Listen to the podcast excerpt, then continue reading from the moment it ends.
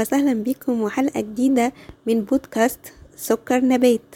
يا رب تكونوا كلكم بخير. وأتمنى إن تكونوا بتستمتعوا وأنتوا بتسمعونا وتكونوا سمعتوا حلقاتنا اللي فاتت. النهارده معانا ضيفة جديدة بنوتة مصرية معفرة عندها شغف ومشيت وراه. بتحرك هنا وهنا وهنا وده خلاها يجيلها فرص كتير وتقدر توصل للحلم اللي هي عايزة تحققه.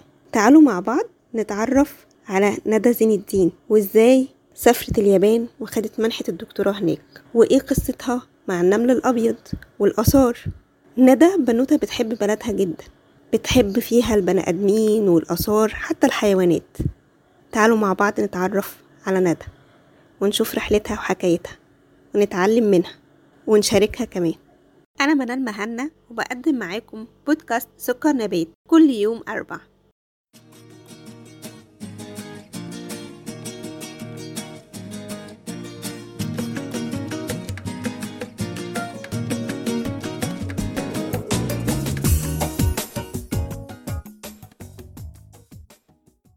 طيب يا ندى أهلا بيكي في سكر نبات وأول حاجة حابين نعرفها آه يعني عرفينا مين هي ندى.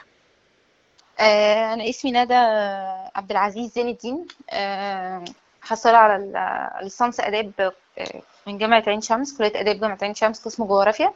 وبعد كده حصلت على ماجستير من جامعة القاهرة برضو في قسم جغرافيا في 2016 آه، واشتغلت ساعتها في يعني أنا already بشتغل بس أجازة حاليا. آه، بشتغل في اشتغلت في الهيئة المصرية العامة للمساحة آه، في قسم ال GPS طبعا يعني زي أي حد يعني قسم الجغرافيا ده اللي هو ما بنقربلوش يعني اللي هو قسم مريب كده وتحسي إن هو الجغرافيا نفسها الناس كلها مش بتحبها والجو ده كله. بس سبحان الله لما دخلت القسم يعني فكرتي اتغيرت تماما عن الجغرافيا وعن عن المادة يعني عموما عكس اللي كنا بناخدها في المدرسة يعني كل حاجة لما بتكبري كل ما نظريتك بتختلف بتختلف لكل حاجة يعني بس فساعتها بقى فكرت إن أنا أنا بحب السفر قوي وبحب يعني حتى لو بسافر لوحدي أتمشى في الشوارع القديمة لوحدي بحب دايما أنطلق في الحاجات دي. فعملت ساعتها جروب اسمه تعالوا نعرف مصر وده اتعمل في 2014 كنت لسه حتى ساعتها في, بداية مرحلة الماجستير يعني لسه كنت مخلصة تمهيدي ماجستير وبدأت بقى أشتغل على موضوع الرسالة بتاعي بس عملت الجروب.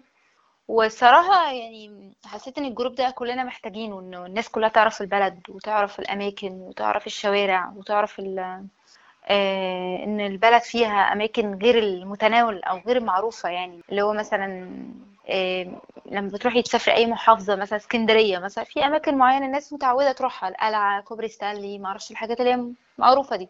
بس لا طبعا في حاجات تانية غير كده خالص. فكان تركيزي في النقطة دي إن إحنا نروح أماكن آه، غير معروفة. حتى لو انت بتروحي المكان ده مرة واثنين وثلاثة لا برضو انت لسه ما تعرفيش عنه حاجة. فالحمد لله يعني إلى الآن أنا عملت حوالي 146 رحلة. انتي و نظمتيها ولا عملتيها؟ قصدك انتي روحتي رحلات آه آه رحتها كلها نظمتها ورحتها ما آه أوكي يعني حلو جدا. يعني أنا اللي بعمل البرنامج وبعمل كل حاجة وبنطلع بالناس وبنشرح وكل حاجة كل حاجة. جوه تبقى مصر. رحلة آه آه جوه مصر كلها. يعني إحنا عملنا حوالي بنسبة 80% من مصر إلى الآن الحمد. لله. حلو لفينا جدا. حاجات كتير. طبعا دي كلها نظرا لل background بتاعت الجغرافيا فبدات أغير فكرة الناس عن الجغرافيا يعني. في مم. الفترة دي خدت بقى الماجستير الحمد لله وقلت بقى أنا عايزة أكمل الدكتوراه يعني عايزة أربط ما بين الجغرافيا وما بين حاجة تانية لأن الجغرافيا هو مجال كبير مادة كبيرة جدا ربط بمواد مختلفة يعني. فكنت حابة جدا أكمل في ترميم الآثار فقدمت في كلية ترميم آثار جامعة القاهرة وخلصت الترميم خلصت الدبلوم. لازم تاخدي دبلوم الأول بيديكي ال base بتاع الترميم كله. وبعدين بتبتدي تخصصي بقى انت عايزه تتخصصي في إيه. فتخصصت في المباني الأثرية. أنا كنت حابة قوي فكرة ترميم المباني الأثرية لأنها linked مع الجغرافيا. لأن إيه، انت وإح- احكي لي شوية linked إزاي عشان دي أول مرة أسمعها. آه، ما- الجغرافيا أو في حاجة فيها اسمها التغيرات البيئية. أوكي بتدرسي التغير البيئي واللي بيحصل على المكان وتأثيره. فالمباني الأثرية بتتعرض لبند مهم جدا التغيرات البيئية. آه، لو المكان مثلا في درجة حرارة شديدة في رطوبة شديدة في effects بتظهر عليه. مم. في عوامل أخرى بتأثر عليه. فاهمة قصدي؟ يعني انت هنا بتربطي ما بين مجالين مهمين جدا. دايما اللي دارس آثار أي تخصص في الآثار لازم يقولك إن المكان الجغرافي بتاع المبنى لازم الحتة دي لازم تتقال. فانا حبيت قوي اللي أنا أربط بين وخلي بالك أنا في الماجستير بقى لما درست في التغيرات البيئية يعني أنا كان موضوع الماجستير بتاعي عن التغيرات البيئية في بحيرة البرولوس لا طبعا تعمقت كتير وفهمت أكتر. فكل ما بتدخلي في level معين من الدراسة كل ما ذهنك بيتفت بيتفتح لحاجات عارفة آه، مختلفة يعني. طبعا بس فالحمد لله ربنا كرمني بقى في 2017 آه، آخر 2017 بالتحديد كان في أنا من الناس اللي بتقعد تقرأ كتير وبتبحث على مواقع الجامعات كتير. فدخلت على موقع لكلية جامعة كيوتو اليابانية لأن هم كانوا عاملين شغل معانا قبل كده في الشغل. فيعني أنا سمعت إن الجامعة دي جامعة جامعة محترمة اللي ليها كيان كبير جدا في الدراسات البيئية. فلقيت في 2011 في 2017 هم كانوا عندهم مؤتمر عن المية عن موضوعات عن المية. فقدمت ال proposal بتاع الرسالة بتاعي واتقبلت الحمد لله وسافرت اليابان 10 أيام وكنا 20 مشترك و... والحمد لله خدت المركز الثالث يعني موضوع ال- البحث بتاعي خد المركز الثالث وأنا ما كنتش عارفة إن في بقى top five ولا أي حاجة. أه وهم ادوا ال top five خمس منح. امم آه، منح بقى دراسية أيا كانت هي إيه اللي ما خدش ماجستير يكمل ماجستير اللي دكتوراه هكذا يعني. فطبعا جيت جيت من عند ربنا على فكرة تماما يعني. كنت رجعت طبعا مصر وكانت آخر سنة ليا في الدراسات في دراسة ترميم في جامعة القاهرة. في الفترة اللي أنا كنت بمتحن فيها وبخلص امتحاناتي في نفس الوقت كنت بخلص ورق السفر للمنحة فاهمة يعني؟ الاتنين مع بعض. ف عشان تعملي الدكتوراه بتاعتك في اليابان. بالظبط. وسافرت بقى في أغسطس آه، 2018 والحمد لله. انطلقت بقى وكملت بقى موضوع الدراسة بتاعتي عن ال- التغيرات البيئية في أثرية. في field مهم جدا وكبير قوي اسمه ال geoarchaeology هو ده اللي أنا بقولك عليه. بيربط ما بين الجغرافيا وعلم ترميم الآثار. عملتها في مدينة القصر الإسلامية اللي هي في واحة الداخلة لأنها بتتعرض للنمل الأبيض بشكل كبير قوي. النمل الأبيض ده حشرة كبيرة قوي وبتدمر وبتوقع مباني وحاجات من ده لأنها بتعيش على الخشب والمخطوطات القديمة. كل الورق القديم والخشب القديم. بياكلوا ويقعد زي زي منشار بالظبط لغاية ما بيخلي المبنى كله ممكن يقع. يا آه آه ده وانتي اخترتي المكان ده على أساس إيه يا ندى يعني هل ده وضح لك من من دراساتك فحبيتي تختاريه ولا اكتشفتي إزاي موضوع النمل الابيض الأبيض والمكان اللي انت اخترتيه في الواحات بصي زي ما قلت لك أنا في 2017 آخر 2017 سافرت اليابان اللي هو المؤتمر اللي أنا قلت لك عليه. أيوه. أول 2017 بقى رحت كده الدخلة عشان كنت عايزة أعمل رحلة هناك. وأنا من طبيعتي إن أنا أي مكان بره القاهرة دايما بسافر لوحدي عشان أظبط الجولة مع نفسي يعني. أشوف الفندق بقى أشوف البرنامج هيمشي إزاي. دي في معظم الأماكن اللي عملتها بره القاهرة يعني. فلما رحت الدخلة رحت مزار مهم هي مدينة اسمها مدينة القصر. مدينة القصر الإسلامية دي بترجع للعصور ما قبل الإسلام و... والعصر الأيوبي مدينة قديمة جدا يعني. امم فأنا خدت بالي إن المدينة كلها كتابات من الخشب و... فكان الجايد اللي كان معانا مفتش آثار هناك كان بيشرح. فأنا قعدت أبص كده على الخشب لقيت إن الخشب كله مكتوب يعني مخطوطات بالخشب. فلقيت إن الخشب معظمه مت- متآكل وواقع على الأرض و... وأكنه بقى بودرة. يعني من كتر مم. التآكل بقى اتحول لبودرة. فسألته فبعدين بقول له هو هو أنا ملاحظة إن الخشب كله متآكل بشكل يعني مؤسف قوي قال لي ما إحنا عندنا النمل الأبيض ده بهدل الدنيا. طبعا زي زي أي حد ما يعرفش إيه النمل الأبيض ده. يعني أنا أسمع عنه بس قبل طبعا متخصص فيه. ف لقيت لا لما رجعت بقى من القاهرة قعدت أقرأ فيه قوي وتعمقت فيه جدا فلقيت إن هو حاجة وقعت أماكن كتير في إيطاليا وأمريكا و... يعني هو حاجة عالمية. بس فمن هنا بقى ركزت إن أنا مع دراستي للترميم ركزت عليه قوي. ورحتي عملتي الدكتوراه بتاعتك في اليابان؟ آه بالظبط. أنا حاليا ما يعني لسه بكمل؟ إن شاء الله خلاص مسافره قريب. كنت في فترة كورونا كنا هنا في مصر بقى ف... آه أوكي. أنت مش لسه ما, عارفين ما مش انتهيتيش عارفين اللي هيحصل.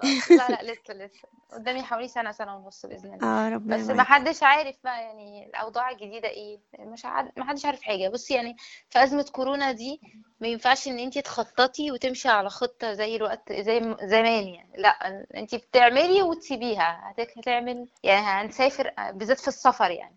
آه معاكي حق المطارات والبلاد آه بالذات ال... كل بلد ليها rules معينة دلوقتي في موضوع ال- السفر عشان الكورونا. آه، بس أنا ما شاء الله يعني آم، آم، يعني من متابعتي ليكي عرفت إن البحث نفسه خد كذا approval وهيتم تطبيقه. فبرضو هنا في مصر. فتحبي تحكي لنا شوية برضو عن النقطة دي؟ هو طبعا ال... ال... انت لما بتكون الباحث أي باحث في مجال دراسته مش معنى إن أنت بتكمل ماجستير أو دكتوراه أو تعمل دبلوم أو أي حاجة في الدراسات العليا. لو أنت ما مشيتش ورا رسالتك إن أنت هي تتطبق ما مش هيبقى ليها لازمة. فده اللي عملته برضو في الماجستير. يعني أنا لما خلصت ماجستير آه، وزارة البيئة خدت الرسالة وكذا وزارة معنية بالموضوع خدتها لأن هو ده البحث العلمي. انت بتعملي بحث علمي علشان يتطبق على أرض الواقع. فالدكتوراه هكذا. اللي- الجهات المعنية بالرسالة بتاعتي وزارة الآثار طبعا. طبعا يعني لأن هي المدينة ضمن قطاع الآثار الإسلامية. فطبعا في تواصل بيني وما بينهم في في الجديد يعني. وطبعا أكاديمية البحث العلمي وزارة التعليم العالي. فبس فطبعا أنا م- يعني شايفة إن أنت لو هتعملي حاجة و- وما مشيتيش في تطبيقها مش هيبقى ليها لازمة. إيه الخطوات بقى عشان برضو تساعدي الناس اللي, اللي مثلا آه، عندها رسائل وما اتطبقتش وماركون على الرف. إيه ال- إيه الخطوات اللي انتي بصي هو كل واحد ما في فيش خطوة التطبيق ولا حاجة. انت بت بت بتراسلي ال- الوزارة بتراسلي المكان ال- ايا كانت مش لازم وزارة يعني ممكن يكون مكتب ممكن يكون أي جهة جهة معتمدة يعني هتستفيد من الرسالة دي هتقدر ت- تستفيد منها. فلازم الشخص يرسل ويتواصل. هي دي دورك. انت لازم انت اللي تسعي. يعني انت تعرفي الوزارة. انت بتعملي في كذا كذا كذا. فالوزارة تبدأ تقولك طب تمام عرفينا أول بأول. يحصل اتصال بينك وبين الرئيس المباشر للموضوع. كده. يعني حاجة هي تواصل. قصدي؟ اللي يعني خدتي الخطوة وعملتي تواصل مع وزارة البيئة في رسالة الماجستير و... و... وخدوها عشان يحاولوا يطبقوا هو اللي حصل في الماجستير إن أنا كنت بحضر مؤتمرات كتير ليها علاقة بالبيئة وال... بحيرة البروز محمية طبيعية. فطبعا حصل مع كتر المؤتمرات والحضور والحاجات دي حصل لينك وحصل طبعا كونتاكت اتصال كتير مع اتعرفت يعني على ناس في الوزارة فابتدت الناس تقولك طيب إحنا مست... مستنيين مثلا ما تخلصي عايزين الرسالة بتاعتك وهكذا وال... وفعلا يعني كان ساعتها رحت قابلت رئيس قطاع المحميات الطبيعية في الوقت ده وخد الرسالة وطبقت جزء منها كبير جدا. مشروع اللي هو إنقاذ بحيرات مصر التابع لوزارة ال- رئاسة الوزراء رئاسة الجمهورية يا ربي كان ساعتها في الفترة دي. وهكذا يعني. حلو جدا. بس آه بصي هو من الآخر انت اللي بيعمل حاجة لازم يبقى عارف إن هو سلسلة في البحث العلمي. لو ما اتطبقتش ملهاش لازمة. يعني أنا أعرف ناس كتير جدا بتاخد رسائل دكتوراه وما بعد الدكتوراه كمان لمجرد بس إن هو إيه يعلي من شأنه الوظيفي. الراتب الوظيفي إنما هو مش باصص لحتة إن هو يتطبق ولا لأ. وفي شخص تاني زي حالاتي لأ هو يعني أنا لو رسالتي مش هتطبق أنا مش هكمل. أنا هعمل ليه دكتوراه واوجع دماغي فاهمة قصدي؟ يعني أنا مش بتاعت آه، أنا معايا دكتوراه أنا معايا لأ لأ مش كده خالص. هي العملية مش كده خالص. لأن أصلا الموضوع متعب لأبعد الحدود يعني. فيعني لو مفيش آه، مردود آه، تنفيذي أو تطبيقي بمعنى أصح يبقى ملهاش لازمة. أنا وجهة نظري كده بصراحة. حلو جدا يا ده, ده. ف... اصل. انت زي ما قلتي يعني الرسالة وفي يا الافات الرسائل على الرف ده حقيقة للأسف بس أنا بعيد في ال في ال في ال مش هقول لك برضو إن الباحث هو المقصر آه أنا أعرف مع الأسف برضو الدولة أوقات ما بتعتنيش بالموضوع بس خلينا نقول إن في رسائل كتير آه لو الشخص سعى أكتر من كده كانت اتطبقت حلو جدا. يعني حلو إن إحنا نشوف نموذج قدامنا يعني هو اللي سعى إن هو رسالته تتطبق والحمد لله كان كان في مردود لده ونجاح لده.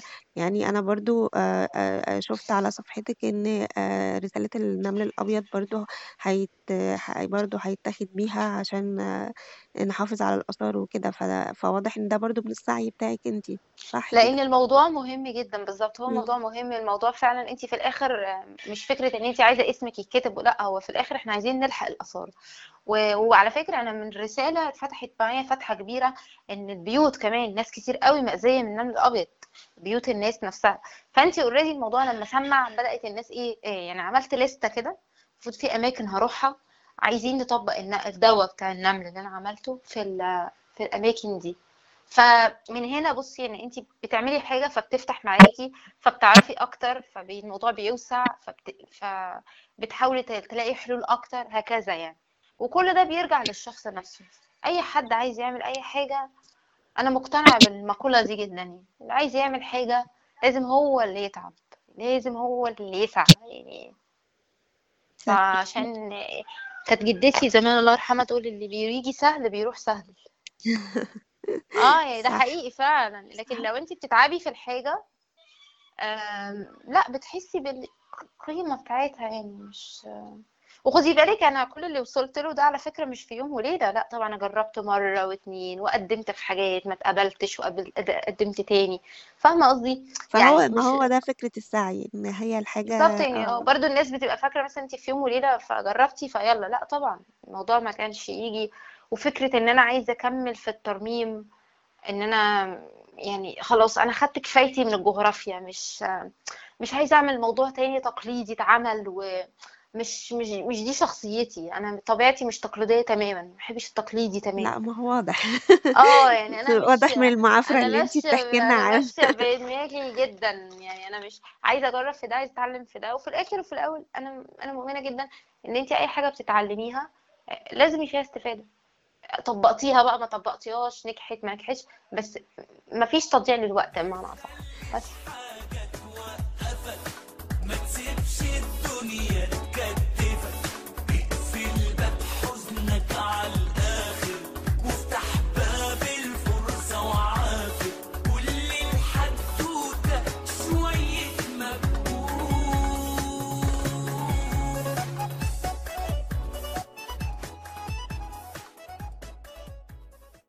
طيب تحبي تقولي لنا برضو معلومة سريعة كده عن النمل الأبيض آه، يعني هل هو موجود في, في أنهي بيئة؟ آه، علشان برضو الناس تعرف إيه هو النمل الأبيض دوت وإحنا أنا شخصيا برضو كتير بسمع عن كلمة النمل الأبيض لكن ما كنتش أعرف مثلا خطورته زي ما حكيتي كده وما أعرفش هو موجود فين في مصر أو بصي النمل الأبيض عموما بيعيش في ثلاث أماكن يعني بيعيش على ثلاث حاجات بيعيش على الخشب بيعيش على الزراعة وبيعيش على الورق القديم المخطوطات. الخشب الناس اللي عندها باركيه في بيوتهم والحاجات دي كلها ده وش هتلاقي عندهم نمل أبيض. لأن هو بياكل الباركيه. في فرق ما بين النمل الأبيض اللي هو بيبقى لونه أبيض كده كريستالي والنمل بتاعنا الأسود اللي إحنا بنشوفه بالعادي ده. مم. آه، النمل الأبيض ده خطورته إن هو بيقعد يحفر في الحاجة لغاية لما بيوقعها. مم. يعني أنا كنت لسه شايفة حد من أصحابي يعني أصحابهم واحدة صاحبتها يعني بعتت لي فيديو ليها عندها فيلا بتاعتها صغيرة كده وعاملة باركيه كله. ووريتني قلت لها لا صوري لي الأول قبل ما تكلمي معايا عندك ولا مش عشان أعرف أنت عندك إيه بالظبط. ف هو عندها نمل أبيض وابتديت إن أنا أقول لها على حاجات بسيطة كده طبيعية لأن أنا كل الأد... يعني كل الحاجات اللي أنا بقدر أشتغل عليها أنا ما بحبش ال chemical. يعني أنا حتى الدراسة البيئية دي أنت بتدرسي بالبيئة عشان تمنعي استخدامات كيماوية. فانت بتستخدمي حاجات عضوية عشان تقضي على الحاجة دي وفي نفس الوقت تحافظي على البيئة. فالنمل الابيض آه طبعا النمل الأبيض كمان بيعيش على ال- الورق القديم وده طبعا بيعاني منها أماكن كتير. كان بعتولي كمان رهبان في دير سانت كاترين إن إحنا عندنا دير سانت كاترين ده تاني أقدم مكتبة على مستوى العالم. وهناك طبعا في الأيقونات المسيحية وهناك في ورق كتير قديم. فالنمل الأبيض برضو عامل مشكلة هناك إن هو بي بي بياكل الورق. فهو بياكل الورق انت مش هتعرفي ترجعيه تاني. يعني ولا أي مرمم في الدنيا يقدر يرجعه لأن خلاص اتاكل. آه مش طبعا. هتقدري مثلا ورقه اتقطعت فانت ترمميها لا ده تحول لبودرة. مم. فبس النوع التالت اللي عنده زراعة. ده بيبقى mix بقى ما بين نمل ابيض وما بين النمل العادي بتاعنا. النمل العادي بتاعنا بيموت على طول. يعني سهل انت تموتيه بالجاز سهل. النمل الأبيض مشكلته إن هو اللي ظاهر لك الظاهر السطح لكن هو جوه فيه عص- عصابة يعني إحنا بنسميها عصيبات. عدد. مهول جدا جدا جدا. يعني النمل الصغير اللي هو المصري ده بيبقى كميته مش الكمية اللي زي النمل الأبيض. النمل الأبيض مهول مهول. يعني في النملة بتبيض في الدقيقة خمس بيضات يعني خمس نملات. وفي أكتر من كده كمان. آه يعني. انت متخيلة إحنا دلوقتي اتكلمنا بقالنا قد إيه مثلا احسبي إحنا مثلا بنتكلم بقالنا أهو داخلين في 21 دقيقة. شوفي بقى 21 تضربيها في خمسة في يعني خمسة. مم. آه، مثلا ده لو في مكان ده. وفي طبعا زي مدينة الواحة اللي هي واحة الدخلة المكان هناك عشان حار والرطوبة عالية ده بيئة بقى ملائمة جدا إن النمل الأبيض يعيش. وهتلاقي نمل بقى هناك يعني قوي جدا جدا جدا جدا. يعني ممكن فعلا ياكل خشبة في اليوم. في لوح خشب كده تلاقيه ممكن تاكلها في اليوم. نهار. هناك النمل زي ما بيقولوا متغذي يعني. بس فطبعا النمل الأبيض ده مشكلة كبيرة جدا. والحش... علم الحشرات عموما كنا بناخد مادة إحنا في الترميم اسمها مايكروبيولوجي فالمايكروبيولوجي هو بيدخلك في علم الحشرات جامد بقى. فإحنا مثلا هو حشرة نستقل بيها كده. لا طبعا الحشرة دي ما حد عموما أي روح ما حدش المفروض يستقل منها يعني لأن هي يعني لما بتزيد عن حدها بتاخدي جانب وحش قوي منها. ده حقيقة. وده الجانب الآخر برضو من ندى ال- انتي بتحبي الحيوانات. آه طبعا. بصي أنا بحب كل ما هو حي يعني كل ما هو روح يعني آه، أمم أمثالكم زي ما يعني ربنا سبحانه أمرنا بكده يعني. فطبعا يعني الروح دي حاجة حاجة مهمة يعني. أصل انت دي ناس كائنات عايشة معاكي يعني. آه بس أنتي كمان بتهتمي بحيوانات الشارع صح كده؟ آه طبعا يعني. غلابة جدا يعني. مع الأسف نفسنا نوعي الناس ونغير السلوكيات يعني. أو تحبي تقولي إيه من يعني فرصة إن ممكن يكون في ناس بتسمعنا؟ بصي يعني نفسي الناس آه، يعني تبعد يعني تسيبهم في حالهم يعني. هو لا هيضرك ولا هيجي جنبك فسيبه في حاله. لكن في ناس بقت متعمدة دلوقتي اللي هو لا في كلاب في المنطقة فاحنا متضررين. أيوه الكلاب عاملة لكم إيه؟ يعني. أو القطط ما إيه لا أصل الكلاب بتقعد تهوهو بالليل طب وإيه المشكلة؟ طب ما أنتوا بتتكلموا بصوت عالي. نخلص منكم بقى عشان أنتوا صوتكم عالي. مش فاهمة. في مبررات بدأت تظهر بشكل غريب. الكلاب المسعورة ليها حل. ماشي المسعور ده ليه حل. بس ما جيش إن أنا أقتله. محدش قال لك كده في الدنيا. ربنا ما قالش كده في كل الديانات.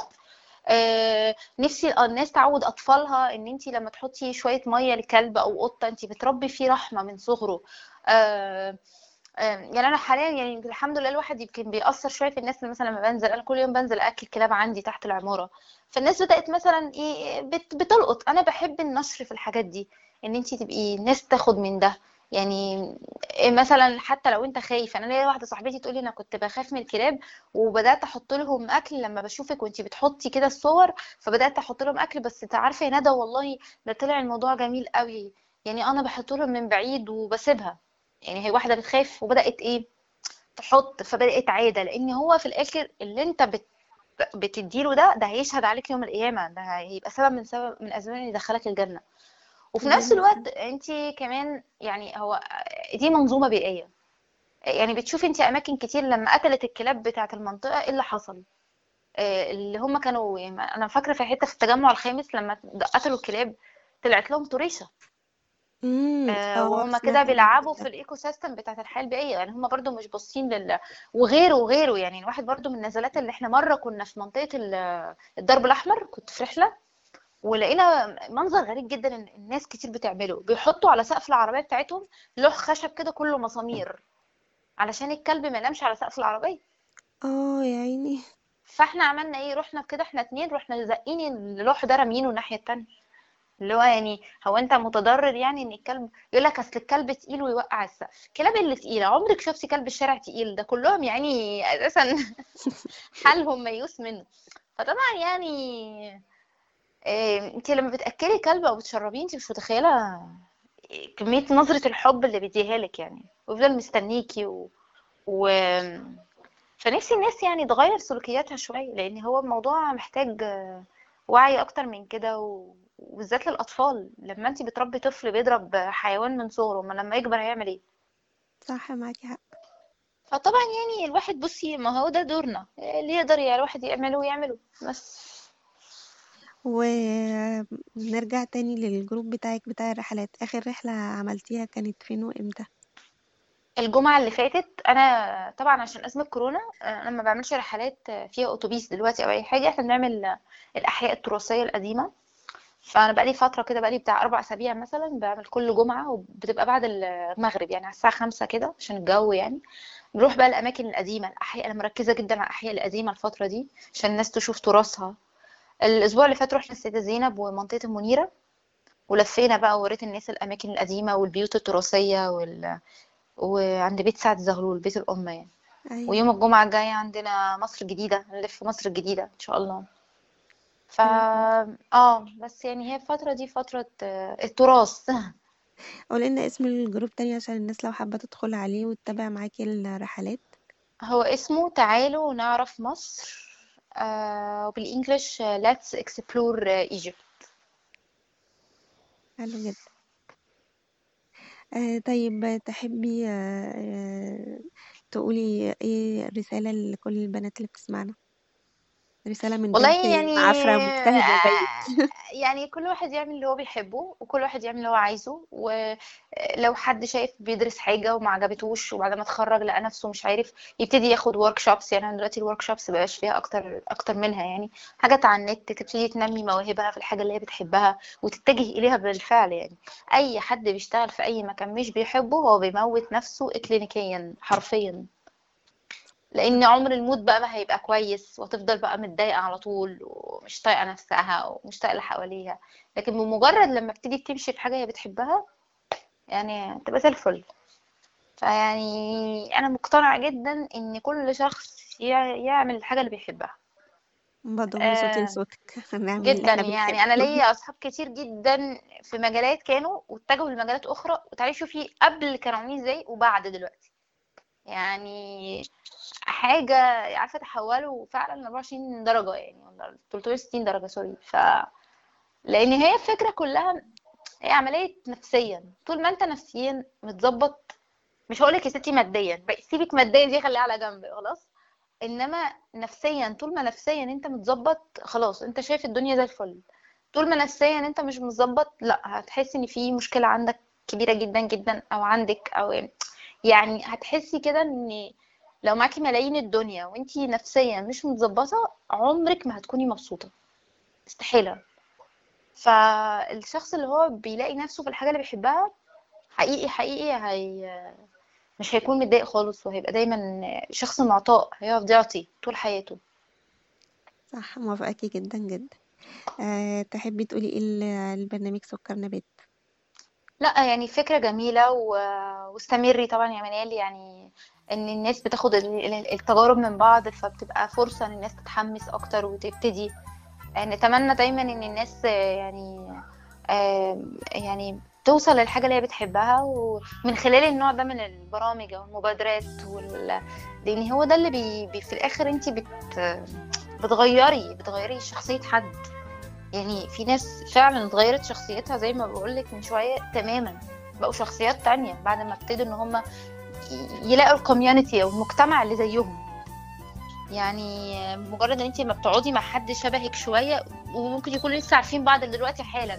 بس الفكر والروح واحدة. فده بيفرق جدا. فالنوع ده طبعا من البرامج يعني ممتاز جدا وبيساعد ناس كتير جدا إن تلاقي فرصة وتلاقي نفسها يعني. شكرا جدا جدا يا ندى. يعني شرفتينا ونورتينا في سكر نبات. ونموذج للبنات المجتهدة المعافرة اللي بتدور على اللي بتحبه. فشكرا ربنا. يخليكي. لا ميرسي منال ربنا يخليكي.